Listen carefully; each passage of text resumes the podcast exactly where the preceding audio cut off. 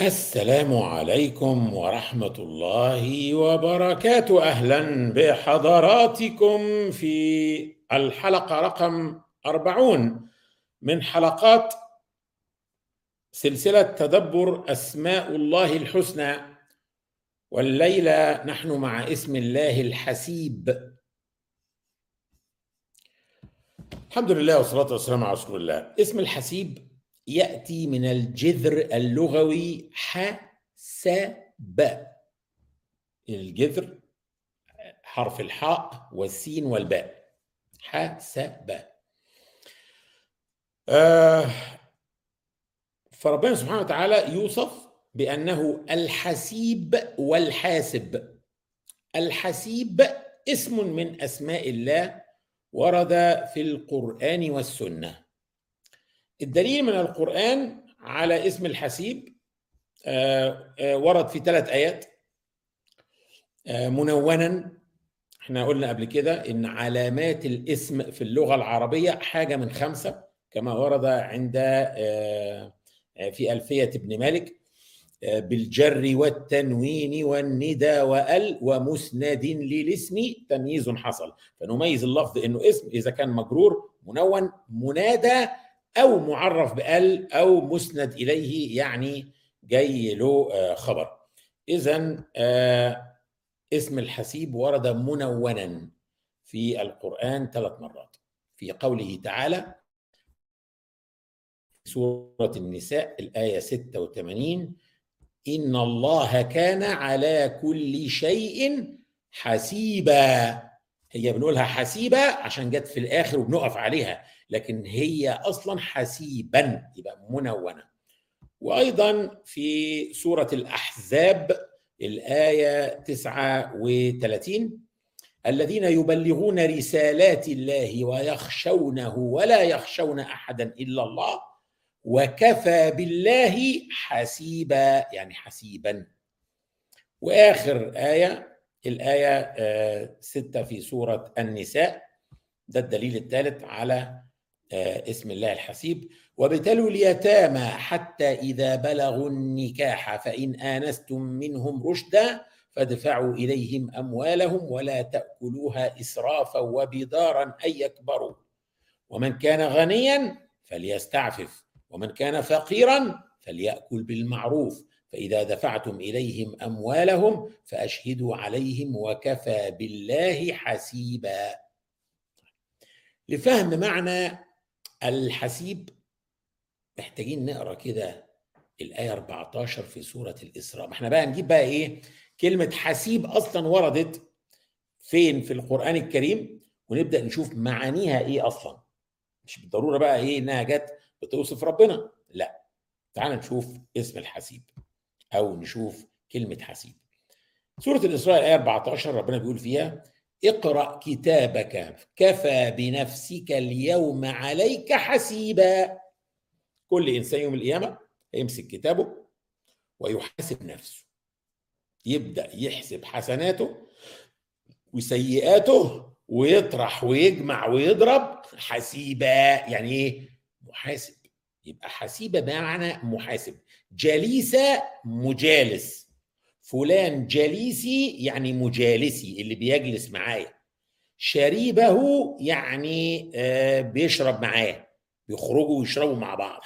حسيبه يعني بيحسب له. اللي بيحسب له. اقرأ كتابك كفى بنفسك اليوم عليك حسيبا. يلا يا شاطر اقعد احسب سيئاتك واحسب حسناتك. اذا الحسيب هو الذي يحاسب ويحسب.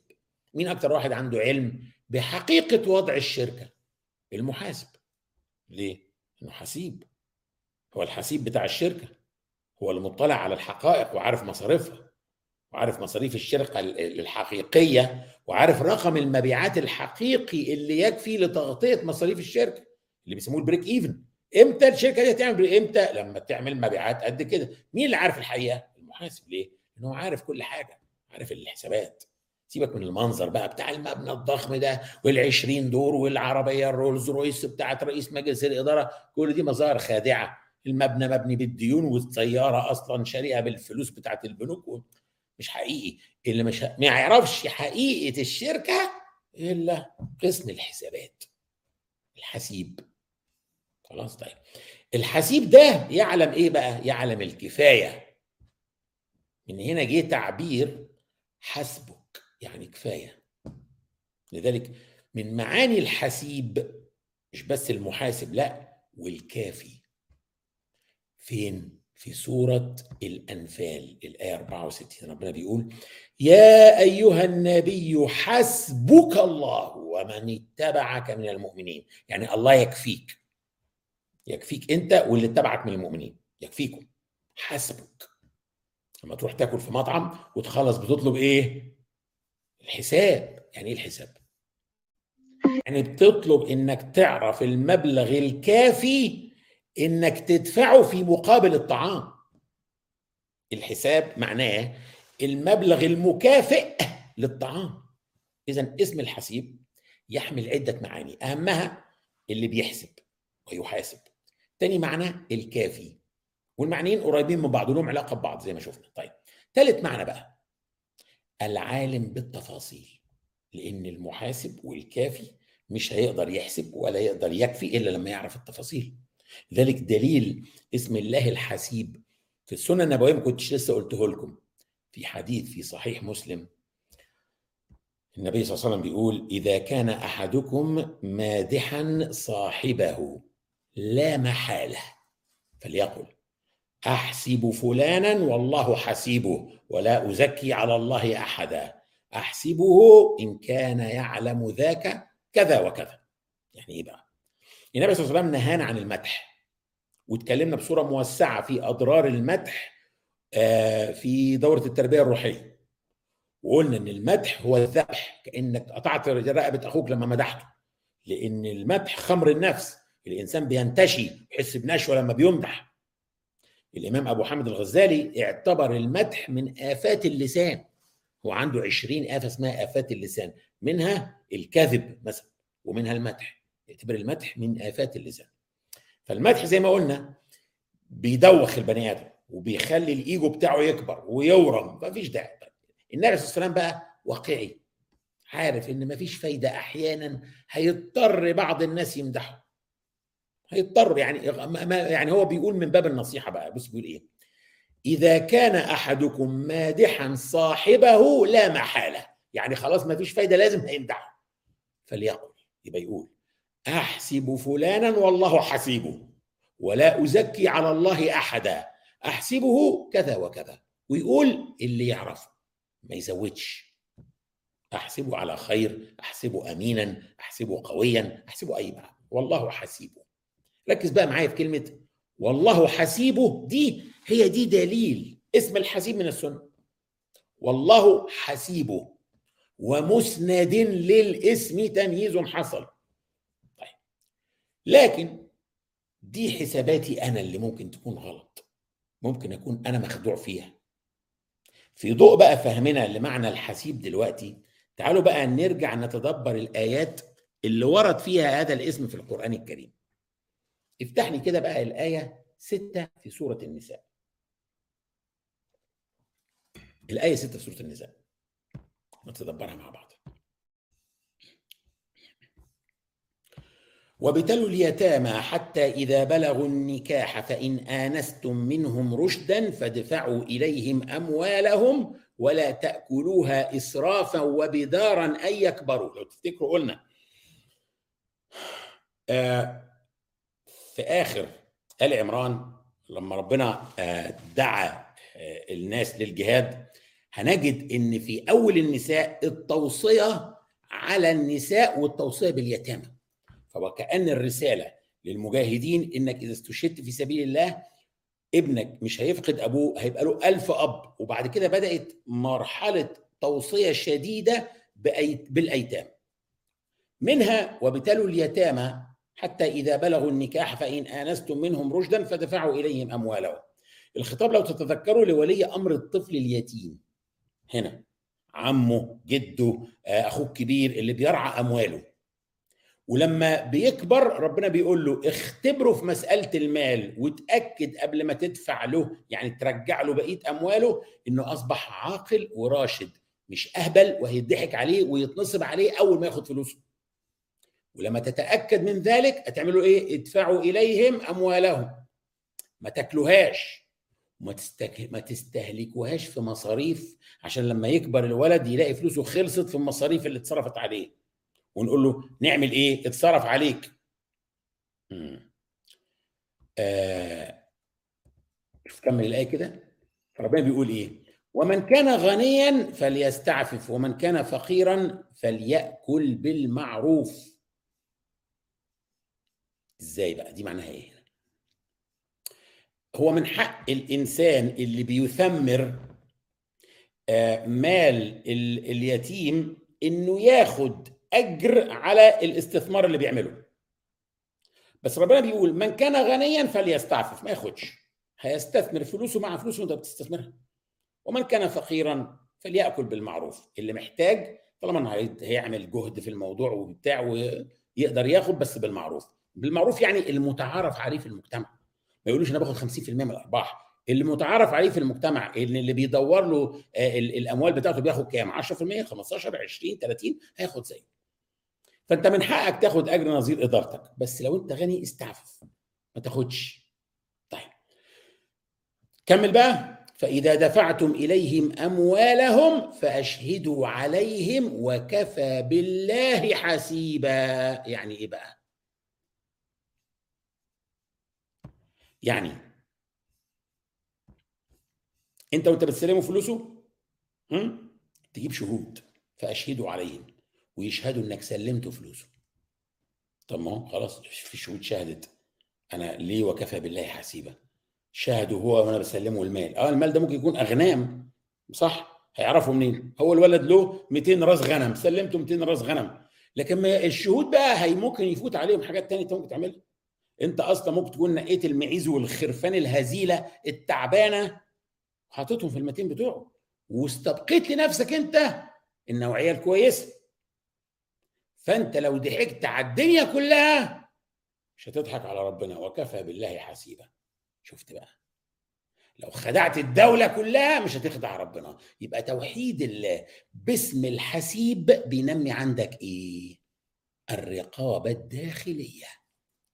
المحاسب بتاعك هو اللي عارف عنك كل حاجة وكفى بالله حسيبا ربنا عارف كل داخلياتك.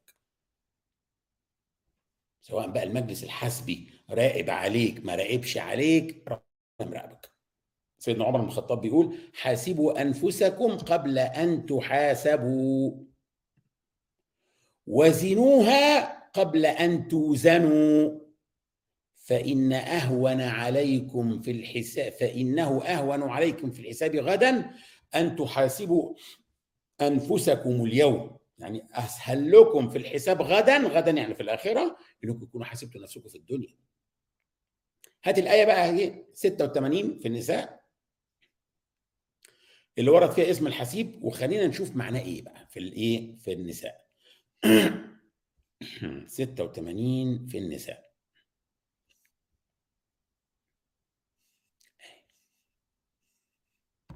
إن الله كان على كل شيء حسيبا. طيب. الآية أصلها إيه بقى؟ هات الآية كلها.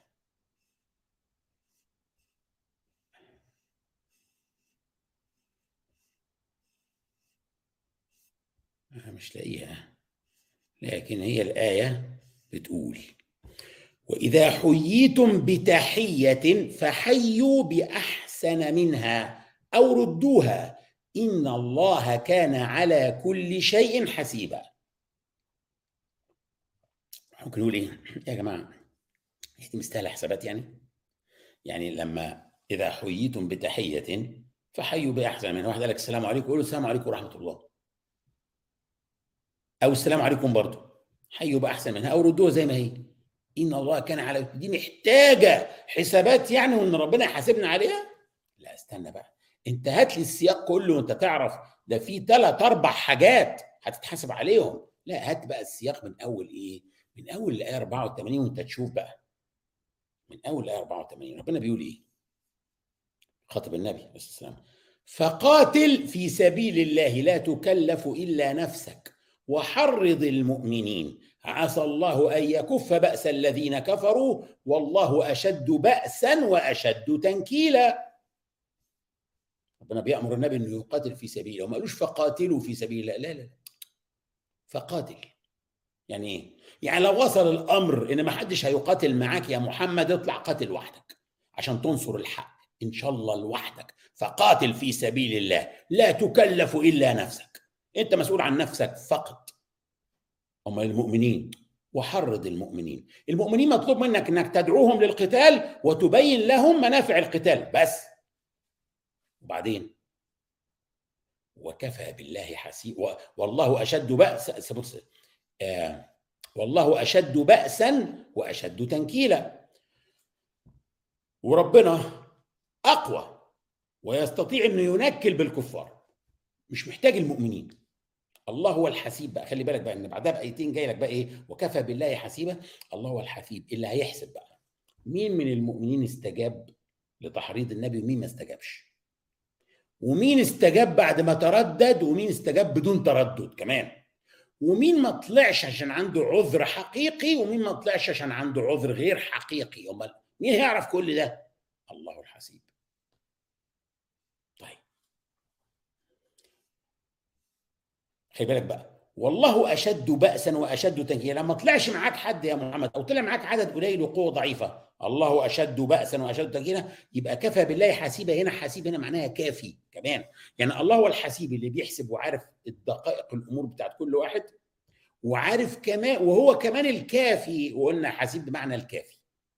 طيب في حد خلي بالك بقى من حاجة. هيتوسط هبقى الآية 85 من يشفع شفاعة حسنة يكن له نصيب منها ومن يشفع شفاعة سيئة يكن له كفل منها وكان الله على كل شيء مقيتا. ربنا قال للنبي صلى الله عليه وسلم إيه؟ أنت حرض المؤمنين على القتال. طيب. بس في واحد زي عبد الله بن أبي بن سلول كان بيحرض على العكس. ده, ده يوم أحد رجع ب 300 من الجيش يعني الجيش 1000 واحد طلعوا للدفاع عن المدينة هو قدر يقنع 300 ويرجع بيهم. فهو عمل العكس. هو شفع شفاعة سيئة. النبي شفع شفاعة حسنة يعني حرض على شيء جيد وهو الجهاد في سبيل الله. الثاني شفع شفاعة سيئة. فربنا بيقول في الآية 85 من يشفع شفاعة حسنة يكن له نصيب منها ومن يشفع شفاعة سيئة يكن له كفل منها وكان الله على كل شيء مقيتا. في واحد بيتوسط ويدخل يشفع ويقنع بشيء كويس ومفيد. لما ده بيتم بياخد أجر مع الإنسان اللي عمل العمل الصالح. ولو واحد توسط وأقنع الناس تعمل عمل سيء برضه بياخد سيئات معاهم نتيجة الوساطة بتاعته وبقدر وخلي بقى نتيجة الوساطة وبقدر الوساطة مين اللي هيحسب درجة الوساطة دي؟ مين اللي هيحسب اللي كان بيحرض بقلب على شيء جيد واللي كان بيحرض أي أو خلاص؟ مين اللي هيحسب مين اللي كان بيحرض بقوة على شيء سيء ومين اللي قال كده مين بيحسب كل ده؟ درجات الاشتراك في الجريمة مين بيحسبها؟ الله سبحانه وتعالى ليه إن هو الحسيب؟ هبقى الآية 86 وإذا حييتم بتحية فحيوا بأحسن منها أو ردوها إن الله كان على كل شيء حسيبا. ربنا هو الحاسب والعالم بالتحية بتاعتك وبردك للتحية. المسألة مش بالظهر وخلاص. واحد قال السلام عليكم فالتاني قال له إيه؟ وعليكم السلام. ماشي. ممكن يقول له وعليكم السلام. آه أنت قلتها إزاي؟ بأي نبرة؟ على فكرة السيدات اللي بيتفرجوا عليها دلوقتي فاهمين أكتر أكتر حد. تقول أهلا يا سعاد. أهلا يا حبيبتي. طب ما دي نبرة تهكم. يعني لو حد قال لحد أو كتب قالت لها أهلا يا حبيبتي. طب وإيه؟ يعني دي حاجة كويسة. لا. في نبرة تهكم. نبرة التهكم دي مش بتتقاس. ملهاش مقاسات ملهاش وزن مين هيقدر يحسب التهكم كان قدره قد إيه وكان في تهكم فعلا ولا لأ؟ محدش هيعرف يحسبها. الله الحسيب وحده يعلم النوايا ويعلم كل حاجة. ألقيت تحية ومحدش رد عليك. الله الحسيب يعني إيه؟ يعني يكفيك. يكفيك يعوضك. أنت مش محتاج إن حد يرد عليك. أنت لو بتفهم في الدين وإنسان ذكي تتمنى ما حدش يرد عليك. إيه رأيك بقى؟ ليه؟ لقول النبي صلى الله عليه وسلم إن الرجل إذا سلم على القوم فردوا عليه كانت لهم كانت له عليهم فضل درجه واحد قال السلام عليكم. هم قالوا وعليكم السلام ورحمة الله وبركاته. بياخد درجة أعلى لأن هو اللي فكرهم بالسلام لأنه ذكرهم بالسلام. ده الحديث. وإن لم يرد عليه إذا ما حدش رد عليه خالص. رد رد عليه من هو خير منه وأطيب. إذا ما حدش رد عليه خالص الأفضل بيرد عليه الملائكة بترد عليه. فأنت لو سلمت على ناس وتجاهلوك وتعالوا عليك وما ردوش عليك لو أنت إنسان ذكي ومؤمن فعلا ما تتضايقش. بالعكس أنت تفرح لأن الملائكة ردت عليك. ليه؟ ان الله كان على كل شيء حسيبا. ربنا كفاك. كفاك. حسيب هنا معنى الكافي. هو عوضك هو حسبك هو ده بقى معنى حسبي الله. حسبي الله. يعني ربنا يكفيني. يكفيني. شوف طيب بعد ما الحسيب بقى حسب لكل واحد أعماله في الدنيا. هيجي يوم الحساب عشان يتحاسبوا عليه. اقرأ الآية اللي بعدها. الآية 87 في سورة النساء. الله لا إله إلا هو ليجمعنكم إلى يوم القيامة لا ريب فيه ومن أصدق من الله حديثا. تعالوا لربنا بقى يا ناس يا اللي كان المؤمنين بيحييكم بتحية ومش بتردوها ويا اللي النبي حر... يعني دعيتم للجهاد في سبيل الله وما خرجتوش. كل ده بقى لازم يرجع بقى عشان هيتحاسب يوم القيامة بقى كمان. هتتحاسبوا بقى. اللي جرح مشاعر حد واللي كسر خواطر حد واللي سرق حد واللي أحرج حد واللي تخاذل عن حماية الإسلام والدفاع عن المظلومين؟ كل ده هيتحاسب. طيب. كده تدبرنا موضعين من ثلاثة ورد فيهم اسم الحسيب. المرة الثالثه بقى اللي ورد فيها اسم الحسيب في رأيي وردت بمعنى الكافي. ودي في سورة الأحزاب. الآية 39 سورة الأحزاب.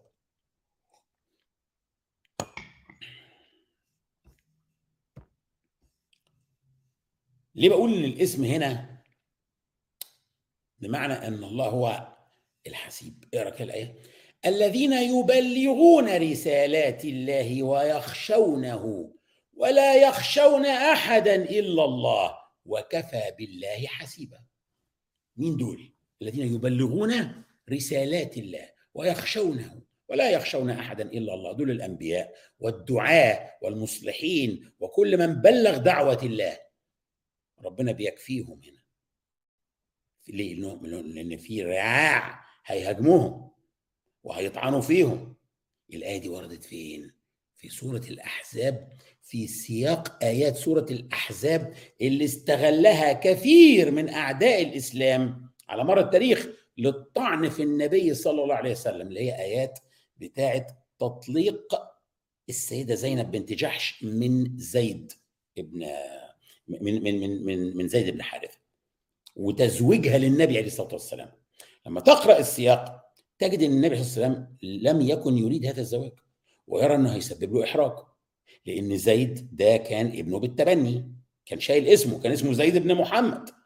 فلما ربنا نهاه نهى عموما على إعطاء الأبناء بالتبني أسماء غير أسماء آبائهم فرجع تاني اسمه زيد ابن حارث ده لما نزلت الآية خمسة في سورة الأحزاب اللي هي بتقول ادعوهم لآبائهم هو أقسط عند الله. ولكن الصحابة استمرت في معاملة الأبناء بالتبني معاملة الأبناء البيولوجيين. فالشريعة الإسلامية استخدمت النبي عليه الصلاة والسلام على غير رغبته في إنهاء هذه العادة السيئة. فربنا يقول له إيه بقى؟ وإذ تقول للذي أنعم الله عليه وأنعمت عليه أمسك عليك زوجك واتق الله وتخفي في نفسك ما الله مبديه وتخشى الناس والله أحق أن تخشاه. يعني كل ما يجوا متخانقين وتصلح بينهم تقول له ما تطلقهاش وتمسك بزوجك هم من أول يوم أصلا كان عندهم مشاكل في بين يعني زيد وبين السيدة زينب بنت جحش. كان في مشاكل كتيرة بينهم. كل شوية جايين يتخانقوا متخانقين والنبي يصلح ويقول له أمسك عليك زوجك ما تطلقهاش أمسك عليك زوجك. فربنا يقول ويستقول الذي أنعم الله عليه بالهداية إن ربنا هداه للإسلام. وأنعمت عليه للنبي أنعم عليه بالعتق إن هو كان أهدي إليه. من السيدة خديجة كعبد. فحرره اعتقه ثم تبناه واداله اسمه كمان بقى اسمه زيد بن محمد. فالنبي له فضل كبير جدا عليه فقال وأنعمت عليه وباستمرار تصلح بينهم وتقول له تمسك بزوجتك. بتحاول تخفي إيه؟ وخايف من كلام الناس ليه؟ اللي ربنا كتبه هيحصل. خلي بالك وتخفي في نفسك ما الله مبديه وتخشى الناس والله أحق أن تخشاه. هنا بقى محتاجين نفهم اسم الله الحسيب بمعنى إيه؟ بمعنى ربنا حاسبك ربنا هيكفيك إيه يعني؟ هيهاجموك هيطعنوا فيك هيقولوا إنك طمعت فيها وطلقتها منه. حسبك الله. دول رعاع. فلما اسمع بقى فلما قضى زيد منها وطرا زوجناكها لكي لا يكون. شوف واضحة دي ربنا بيقول ليه؟ برضه بيهاجموا يقول أصل النبي كان عايز يتجوزها. لكي لا يكون على المؤمنين حرج في أزواج أدعيائهم. إذا قضوا منهن وطرا وكان أمر الله مفعولا. لما زيد قال خلاص مش قادر وطلقها بقى. مش قادر طلقها برضه. زوجناكها يعني أنا جوزتها لك. ربنا هو اللي زوجها للنبي عليه الصلاة والسلام. قبل كده قلنا ربنا زوجها لزيد برضه لأن قبل كده نزلت الآية 36 اللي بتقول ما كان لم... وما كان لمؤمن ولا مؤمنة مؤمن هنا زيد مؤمنة هنا سيدة زينب بنت جحش. طبعا ده هيسع علينا كلنا برضه لكن وما كان لمؤمن ولا مؤمنة إذا قضى الله ورسوله أمرا أن يكون لهم الخيرة من أمرهم. إن ربنا قضى أنها تتجوزوا ومن يعص الله ورسوله فقد ضل ضلالا مبينا. يعني ربنا هو اللي جوز السيدة خلي بالك إن السيدة زينب بنت جحش من عيلة كبيرة جدا من بني هاشم. آه مش أغنياء لكنهم عيلة محترمة كبيرة سادة قريش.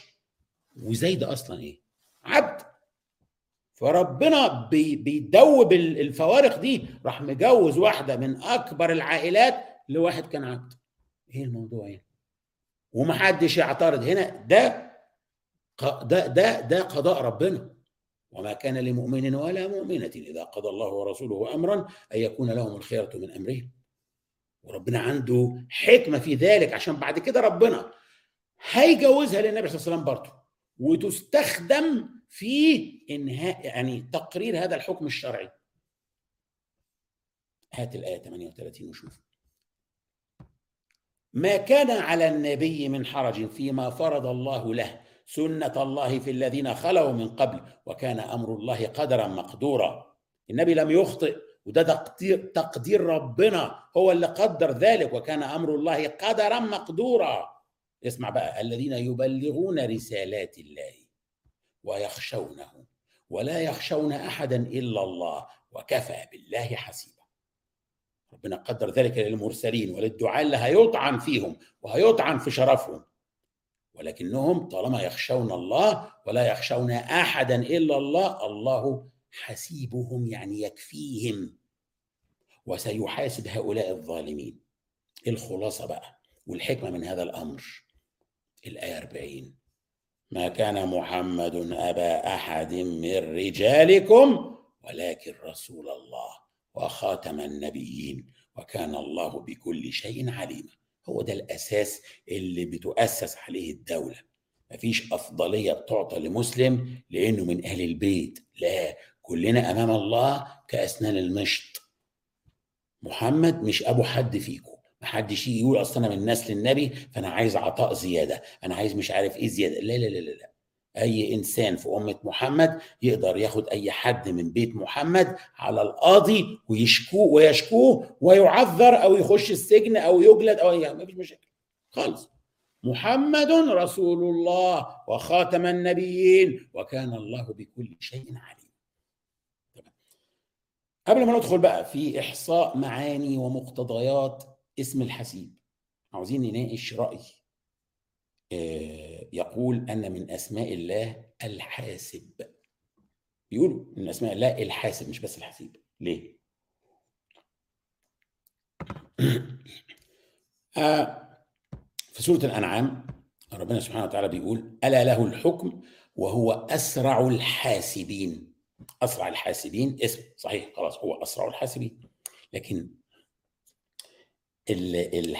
اسم الحسيب بيشمل معنى الحاسب وأسرع الحاسبين.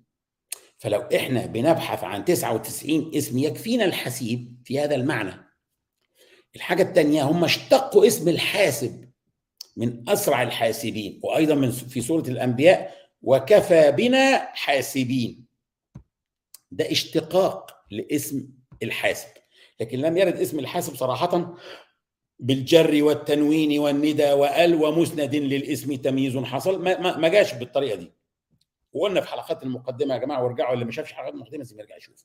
إن إحنا واخدين مدرسة متشددة هنا هو في موضوع اشتقاق الأسماء من الأفعال ومن الصفات. عشان الناس اللي توسعت قوي في اشتقاق الأسماء طلعوا ب 4000 اسم في الآخر لله سبحانه وتعالى. ودي مش حاجة كويسة. على فكرة إحنا عاوزين الأسماء تقل مش تزيد عشان إحنا بنبحث عن 99 من أحصاها دخل الجنة. فنقعد نوسع عن نفسنا ليه وفي الآخر نتوه. لا بالعكس إحنا عايزين نقلل عايزين نقلل ما نقدر عشان نقدر نوصل لل 99 المهمين جدا اللي ممكن يدخلونا الجنة. إن لله 99 اسما 100 إلا واحدة. من أحصاها دخل الجنة. فأتوسع ليه وأقول للحاسب منهم ليه؟ طيب. بس حبيت أقول لكم ليه؟ أنا ما بعتبرش اسم الحاسب من الأسماء. طيب. كيف نحصي فوائد ومقتضيات اسم الحسيب كيف ندعو الله باسم الحسيب يعني شوف يا سيدي هنا عندك الآية 173 في آل عمران الذين قال لهم الناس إن الناس قد جمعوا لكم فاخشوهم فزادهم إيمانا وقالوا حسبنا الله ونعم الوكيل دول مين؟ فاكرين؟ في آل عمران بعد أحد بعد هزيمة أحد مش طلع الصحابة ورا جيش قريش على طول تاني يوم في غزوة اسمها حمراء الأسد فربنا بيثني على الصحابة اللي خرجوا في غزوة حمراء الأسد. الذين قال لهم الناس إن الناس قد جمعوا لكم فاخشوهم فزادهم إيمانا. وقالوا حسبنا الله ونعم الوكيل. الناس اللي كانت راجعة وقابلوهم وقالوا الحقوا ده قريش واقفين وبيتجمعوا وراجعين لكم تاني هم لسه كانوا يعني هزمينهم هزيمة تقيلة امبارح. قريش هزمت المسلمين هذه هزيمه ثقيلة في اليوم اللي قبل ده. 70 واحد من 700 قتلوا في 10% من الجيش. وتم التمثيل بأجسامهم وكده. لكن وبعدين؟ دول خوفوهم فقالوا إيه؟ حسبنا الله ونعم الوكيل. فانقلبوا بنعمة من الله وفضل لم يمسسهم سوء. واتبعوا رضوان الله. والله ذو فضل عظيم. استوقفتني كلمة واتبعوا رضوان الله. رضوان الله بإيه؟ ما هو حسبنا الله ونعم الوكيل. دي إعلان بالرضا بقضاء الله. ربنا يكفيني. أنا راضي. هو ده اتباع رضوان الله بقى. عن ابن عباس. حسبنا الله ونعم الوكيل. قالها إبراهيم عليه السلام حين ألقوه في النار. وقالها محمد صلى الله عليه وسلم ثم تلا الآية الذين قال لهم الناس إن الناس قد جمعوا لكم فاخشوهم فزادهم إيمانا وقالوا حسبنا الله ونعم الوكيل. إذا من علامات توحيد الله باسم الحسيب إنك تدعوه وتقول حسبي الله ونعم الوكيل. من قلبك إن الله يكفيك. مش, كلمة تقاله خلاص. حسبي الله ونعم الوكيل. يعني أنا ربنا يكفيني. الناس فاهمة إنها دعاء على الناس هي مش دعاء على الناس. حسبي الله ونعم الوكيل فيك يا شيخ. يا جماعة؟ لا حسبي الله ونعم الوكيل. معناها ربي يكفيني أنا راضي بقضاء ربنا. راضي بما قسمه الله لي.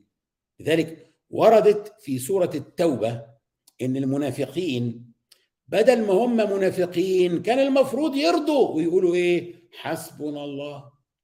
في سورة التوبة آية 58 ومنهم من يلمزك في الصدقات فإن أعطوا منها رضوا وإن لم يعطوا منها إذا هم يسخطون. يعني منهم ناس كانوا بيطعنوا في ذمة النبي صلى الله عليه وسلم في توزيع الزكاة. عاوزين ياخدوا من أموال الزكاة. كمل بقى الآية وشوف العلاقة بين الرضا وبين الاحتساب عند الله الحسيب بقى ها؟ ومنهم من يلمزك في الصدقات فإن أعطوا منها رضوا وإن لم يعطوا منها إذا هم يسخطون. ولو أنهم رضوا ده اللي كان المفروض يحصل بقى. ولو أنهم رضوا ما آتاهم الله ورسوله وقالوا حسبنا الله يعني الله يكفينا سيؤتينا الله من فضله ورسوله. إنا إلى الله راغبون. يبقى هم أثر يبقى يعني أهم أثر من آثار توحيد الله باسم الحسيب هو الرضا. بما قسمه الله مش هو الحسيب يعني هو اللي كافي. وكمان هو حسيب عشان هو حاسب عارف كيف؟ الكفاية. هذا هو معنى الدعاء بحسبي الله ونعم الوكيل. يعني يا ربي أنت تكفيني ولا أريد إلا رضاك. هذا والله أعلى وأعلم.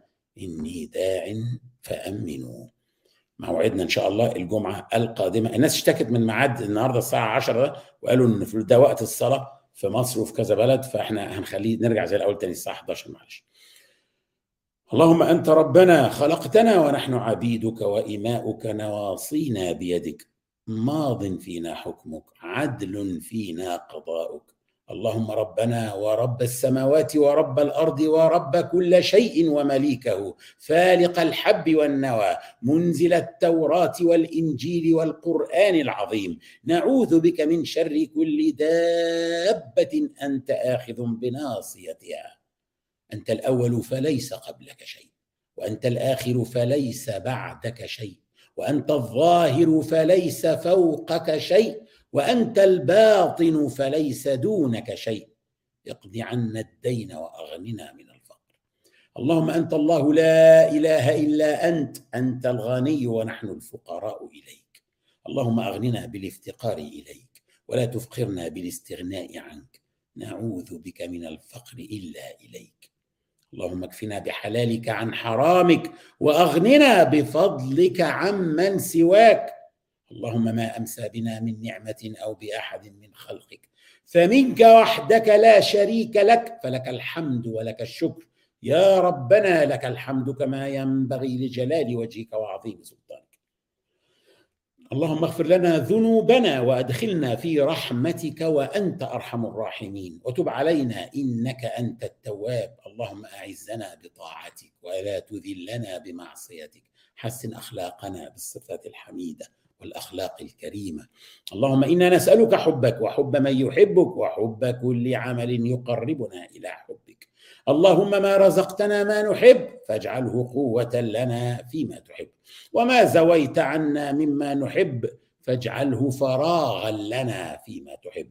اللهم اجعل حبك أحب إلينا من أهلنا وأموالنا ومن الماء البارد على الظمأ. اللهم حببنا إليك وإلى ملائكتك وأنبيائك ورسلك وعبادك الصالحين واجعلنا ممن يحبك ويحب ملائكتك وأنبياءك ورسلك وعبادك الصالحين. اللهم أحيي قلوبنا بحبك واجعلنا لك كما تحب. اللهم اجعلنا نحبك بكل قلوبنا ونرضيك بكل أجسادنا. اللهم اجعل حبنا كله لك وسعينا كله في في مرضاتك. اللهم اجعلنا ممن أحصوا أسماءك الحسنى وبلغتهم بها جنتك. اللهم اجعل القرآن الكريم ربيع قلوبنا ونور صدورنا وجلاء أحزاننا وذهاب همومنا وغمومنا ومغفرة ذنوبنا. أسأل الله العلي العظيم أن يجعل هذا التدبر في ميزان حسناتي وحسناتكم جميعا. اللهم فاطر السماوات والأرض عالم الغيب والشهادة أنت تحكم بين عبادك فيما كانوا فيه يختلفون. فبحق كل حرف في كتابك تلوناه أو تدبرناه. اكفنا وأهلينا وإخواننا وأخواتنا شر كل من يكيد لنا ولهم. واحفظنا وإياهم من شرورهم.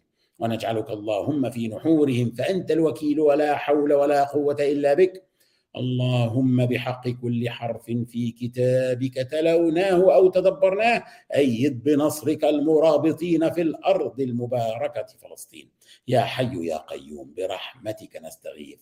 اللهم سدد رميهم وخيب رمي عدوهم. اللهم انصر أولياءك على أعدائك. وكن مع إخواننا في تركستان الشرقية وفي الشام وفي كشمير وفي الهند وانصر من نصرهم واخذل من خذلهم. وطهر المسجد الأقصى من الدنس فإنهم لا يعجزونك.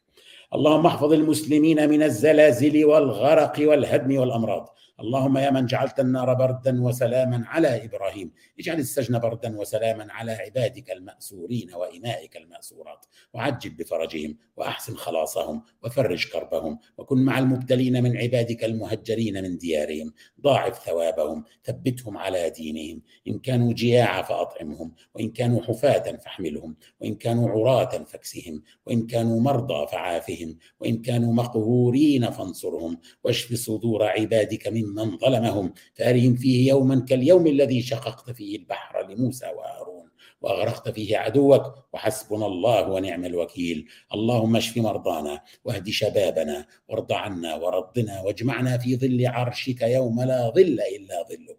واسقنا من يد سيدنا محمد شربة هنيئة لا نظمأ بعدها أبدا ولا تحرمنا لذة النظر إلى نور وجهك الكريم. اللهم إنك تعلم أن هذه القلوب قد اجتمعت على كتابك وعلى محبتك. والتقت يا ربنا على طاعتك وتوحدت على دعوتك وتعاهدت على نصرة شريعتك.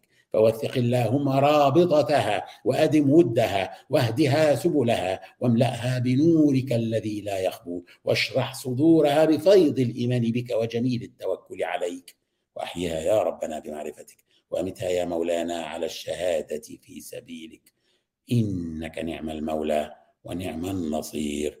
وصل اللهم وسلم على سيدنا محمد. والسلام عليكم ورحمة الله. ونراكم غدا بإذن الله في نفس هذا نراكم الجمعة القادمة إن شاء الله في نفس هذا الموعد إن كنا من أهل الدنيا. السلام عليكم.